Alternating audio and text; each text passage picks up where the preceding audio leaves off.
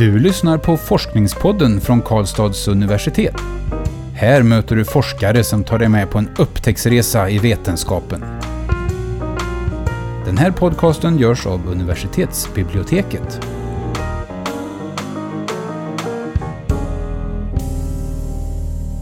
Hej och välkomna, mitt namn är Magnus. Och jag heter Nadja.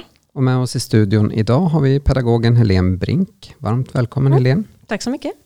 Eh, din forskning handlar om tekniklärares undervisning på högstadiet och du har skrivit en licentiatsuppsats om detta. Eh, kan du börja med att berätta med, vad är det du undersöker i din uppsats? Mm. Eh, jag är som sagt på högstadiet på teknikämnet och det har ju skrivits in i kursplaner och läroplan nu att man ska undervisa med digitala modeller och digital kompetens har ju också skrivits in som en viktig del i teknikämnet. Eh, det här begreppet digitala modeller vet vi inte riktigt vad som sker i undervisningen, vad lärarna gör. Eh, så det är där jag har riktat min forskning och frågat tekniklärarna vilka erfarenheter har ni om undervisning med digitala modeller och digital modellering? Kan du utveckla lite grann vad, det, vad de här modellerna är? Vad är det vi kan se fram oss, framför oss där? Ja men precis, och det var ju det som var den stora frågan. Mm. Vad gör lärarna? Vad, vad är digitala modeller? Så att min, min första studie var väldigt bred, inriktad liksom på den stora frågan. Hur ringar vi in digitala modeller? Eh, och där jag har sett att det kan vara allt från YouTube-klipp till eh, olika simuleringsprogram. Eh, eleverna kan få undersöka brokonstruktioner med hjälp av spel. Men också att de får skapa egna modeller i ett CAD-program. Så det, det, låter som en ganska bred, eh, jag tänker digitala modeller i relation till digitaliseringen i skolan överhuvudtaget. Hur, det låter väldigt brett. Eh, en modell kan vara mycket då, förstår man. Precis, och det var ju det som visade sig, att det var väldigt olikt också vad lärarna tolkar in i det här begreppet. Eh, och jämfört med digitalisering eller kontra digitalisering så är ju eh, användandet med hjälp av digitala verktyg. Mm. Liksom att förstå och tolka hur, vilka fördelar kan vi ha med hjälp av digitala verktyg. Då. Hur fick du idén till studien? Det kommer ju egentligen utifrån mig själv som gammal eh, rutinerad räv, tänkte jag säga, men som tekniklärare på högstadiet. Eh, när de här skrivningarna kom så såg jag ju själv hur jag och mina kollegor funderade mycket på vad, vad ska vi göra nu då? Vad är de här begreppen? Vad ska vi plocka in i undervisningen? Eh, och den frustration som vi kände när vi inte riktigt hade stöd från läroplan och kursplaner och kommentarsmaterial. Så det kommer utifrån mig själv, att skapa liksom stöd och hjälp till lärare och att försöka ringa in vad, vad det kan vara för någonting. Få grepp på frågan egentligen, alltså vad det, vad det innebär och vad man ska göra utav de här riktlinjerna. Ja men vad är det eleverna ska lära sig? Det är det som är grundkärnan i, i allting egentligen. Okay. Vad ska de ha med sig ut i livet? Vad är det de behöver kunna för att bli vuxna? liksom kloka vuxna. Mm.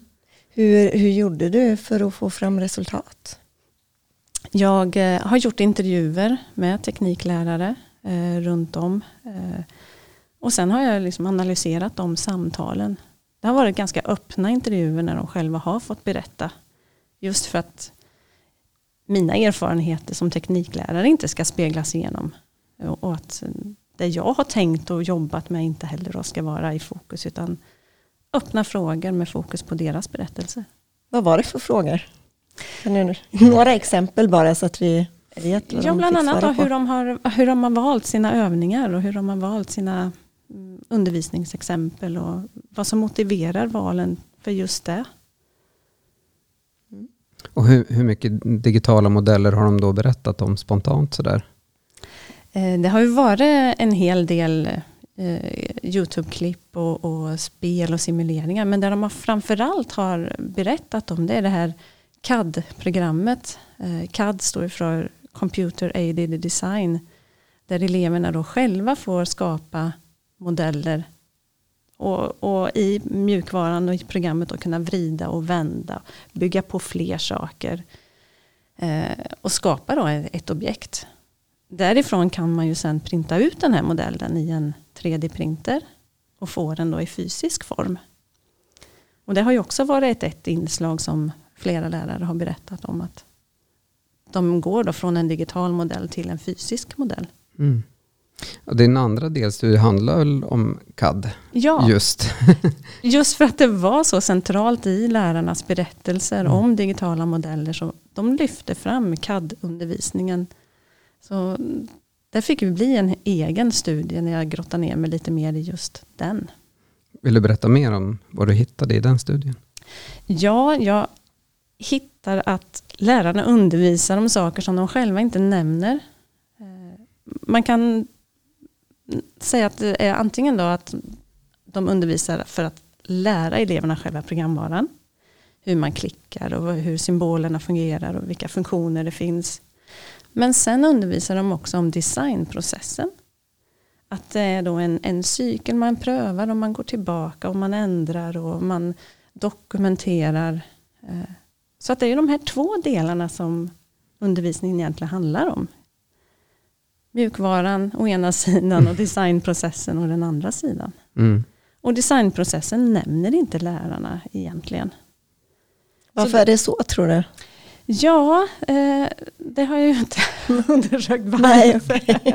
Okay. Men jag tycker att det är viktigt att lyfta fram att det här är ett undervisningsinnehåll som de kan ha med. Eh, och som ger då eleverna mer bredd och mer kunskap. Och det är ju någonting som man behöver diskutera och prata om och kanske utifrån mina resultat att titta, ja men det här händer när vi undervisar. För om eleverna får syn på vad de kan lära sig så ökar ju chansen att de faktiskt lär sig det också. Mm. Jag var lite nyfiken, eh, just du pratat med lärarna, men eh, var det ett självklart val för dig att eh, ha dem som fokusgrupp istället för att kanske titta på eleverna och göra observationer och vad som händer i klassrummet och så vidare? Mm, jag funderar mycket i starten av, av min doktorandtid hur, hur jag bäst skulle fånga det här. Men elevernas lärande, det är ju liksom målet med undervisningen. Men för att komma dit och för att bäst förstå hur, hur vi ska hjälpa eleverna att lära sig och hur vi ska göra bedömningar, då måste vi börja med att veta vad de ska lära sig. Så det var liksom min utgångspunkt, att jag får börja med lärarnas förståelser och deras erfarenheter om den här undervisningen. Var det några resultat som överraskade dig? Ja, i den första studien när jag tittade på digitala modeller, det lite bredare, större, liksom vad det innebär. Så många lärare motiverade sin undervisning och förklarade varför de gjorde som de gjorde. Och det där förvånar mig lite grann att det var så viktigt att de förklarade och, och, och liksom försökte bekräfta vad de gör och förklara varför det är så viktigt.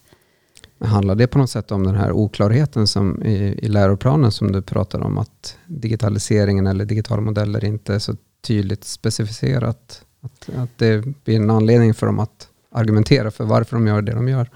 Det är ju mm.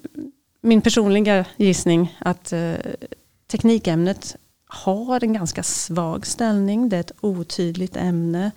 Det har inte den här långa traditionen som många andra ämnen som matematik eller språk man har inte heller en akademisk storebror. Nej, så. Det. Um, så det har skapat mycket osäkerhet kring teknikämnet. Och jag tror ju att det ligger bakom den här att lärarna vill motivera vad de gör. Mm. Men just för dem att använda digitala verktyg och, göra, och digitala modeller. Jag, tänk, jag tänker tillbaka på min egen teknikundervisning från hög... Det, nu pratar vi tidigt 80-tal. Mm, mm. Eh, men då fick man ju göra lampor som skulle lysa med och elektriska anordningar och sånt. Men det fanns ju inget digitalt. Men omfamnar eh, de lärare du har mött den här digitala förändringen och revolutionen? Eller är det någonting som de mer backar in i? Eller hur?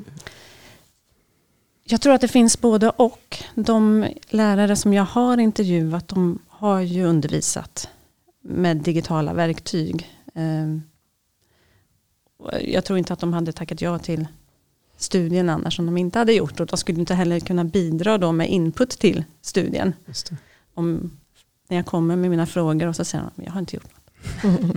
så det finns både och och det finns ju granskningar från Skolinspektionen som också visar att alla elever får inte möta digitala verktyg i den omfattning som, som är tänkt. Mm. Hur, hur, tror du att din studie kan bidra till att lyfta upp det här och kanske utveckla området? Jag tror att det kan visa just på de här eh, innehållen som faktiskt finns. Som de inte nämner själva. Som designprocessen exempelvis. Eh, och då kanske det inte behöver bli så märkvärdigt. Utan de ser att ja, men det finns ett värde i att vi gör det här. Eleverna kan lära sig de här sakerna och det behöver inte vara så svårt. ja, det kan vara ett stöd för att komma igång och hjälpa dem framåt. Kan det också vara en slags bekräftelse för dem som du inte har intervjuat, som inte var med i studien och ser hur andra gör? På ett sätt att vad du har kommit fram till och um, ser att i och med att det är så nytt att man är inne på rätt spår och att andra går igenom samma ja. frågeställningar, problem och Absolut, och tekniklärare behöver diskutera och prata med varandra. Det har vi ju sett eh, länge nu. Att man är ofta ensam på sin skola, kanske inte har kollegor att diskutera med. Men eftersom nu min studie är byggd på erfarenheter av tekniklärare så blir det ju en diskussion. En ny lärare eller en obehörig lärare kan ju faktiskt läsa och ta del av andras erfarenheter och själv då vara med och diskutera. Finns det andra resultat i studien som du vill passa på att lyfta fram nu som vi inte har pratat om redan? Ja, man kan ju se CAD-undervisningen. Jag pratar om de här två delarna. Att lära sig använda CAD-programmet eller att lära sig att göra någonting annat med hjälp av CAD, designprocessen. Men det finns ju också en hierarki i, den här, Eh, i de här delarna. Eh, där man kan undervisa ganska enkelt och sen plocka på fler delar och göra undervisningen mer komplex.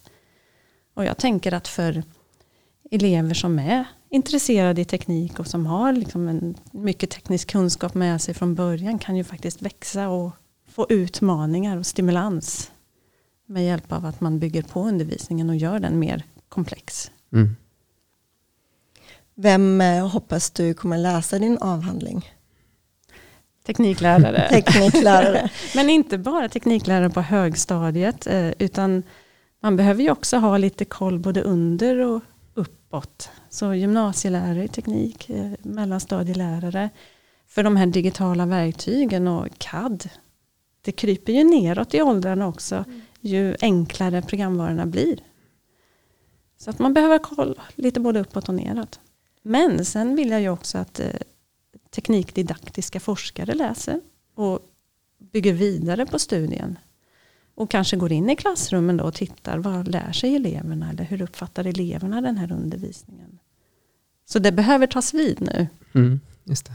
Om, om du tittar på, på din LIS och tänker dig en läsare som, ehm, som är typ tekniklärare eller någon. Vilka punkter tror du de skulle ta upp i sina diskussioner mest? Jag hoppas. Ja. jag hoppas att man eh, börjar på att benämna undervisningen mer precis vad det är man gör. Och inte pratar och nämner digitala modeller liksom som ett begrepp. För det är så olika. Eh, diskuterar man det så kanske man inte pratar om samma sak. Utan pratar man om hållfasta konstruktioner med hjälp av ett brospel. Ja men säg det då. Mm. då är det stabila konstruktioner och hållfasthet som, som vi undervisar om. Med hjälp av digitala mm. verktyg.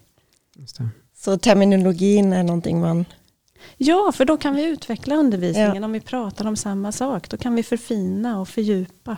Mm.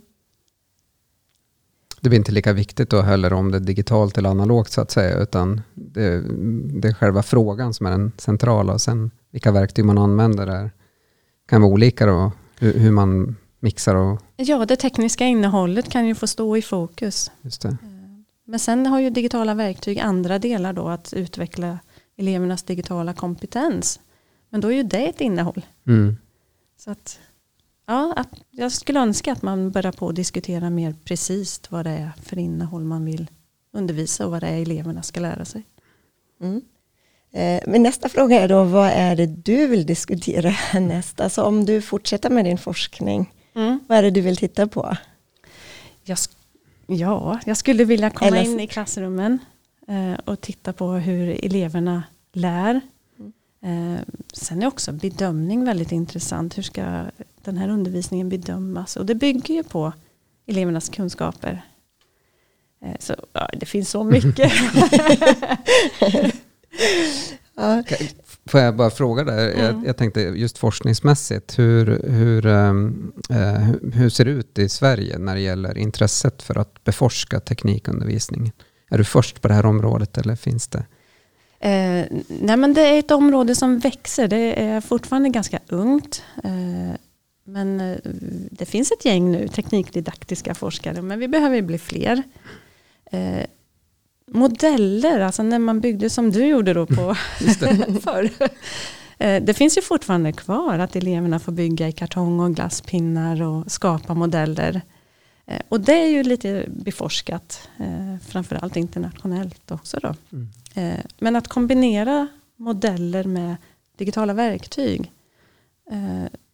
det har väl ingen gjort tidigare. Så att där fanns det ju en lucka faktiskt att ta reda på vad, vad som händer och vad som görs. även på internationell nivå? Eller? Ja, Mm. ja. Vad spännande, då ser vi verkligen fram emot vad som händer inom området nu. Och jag hoppas det är många tekniklärare som lyssnar och blir nyfiken på avhandlingen också. absolut. Det hoppas jag med. Ja, Mm. så vi närmar oss tyvärr slutet av eh, podcasten Elin, men eh, en fråga som jag har som eh, inte går till tekniklärare utan till andra doktorander. Mm. Vad är ditt medskick om doktorandtiden och vad är, det, vad är ditt bästa tips för doktoranderna? Om vi tänker eh, ämnesdoktorander, ämnesdidaktiker så, som vill forska så eh, absolut ska man söka. Det här är viktigt att det finns fler. Så dyker det upp en tjänst så sök. Och sen om man väl är inne i, i den processen. Eh, mitt råd är nog att skriva. Även om man vissa dagar tycker att man suddar mer än man präntar ner. Så är det ju en process. Det är två steg fram och ett tillbaks. Men eh, hålla i, liksom. Mm. fortsätta skriva. Mycket bra tips. Ehm, så varmt tack Helene till att du gästat Forskningspodden och lycka till med det fortsatta arbetet nu också. Tack så mycket. Eh, och vill du som lyssnar läsa Helens eh, licentiatuppsats så finns den laddad ner i vår publikationsdatabas DIVA. Eh, uppsatsen heter Modeller och modellering med digitala verktyg i högstadiets teknikundervisning. Så tack till er som har lyssnat och välkommen tillbaka. Du har lyssnat på Forskningspodden från Karlstads universitet. Den här podcasten görs av universitetsbiblioteket. Alla avsnitt hittar du på kau.se forskningspodden.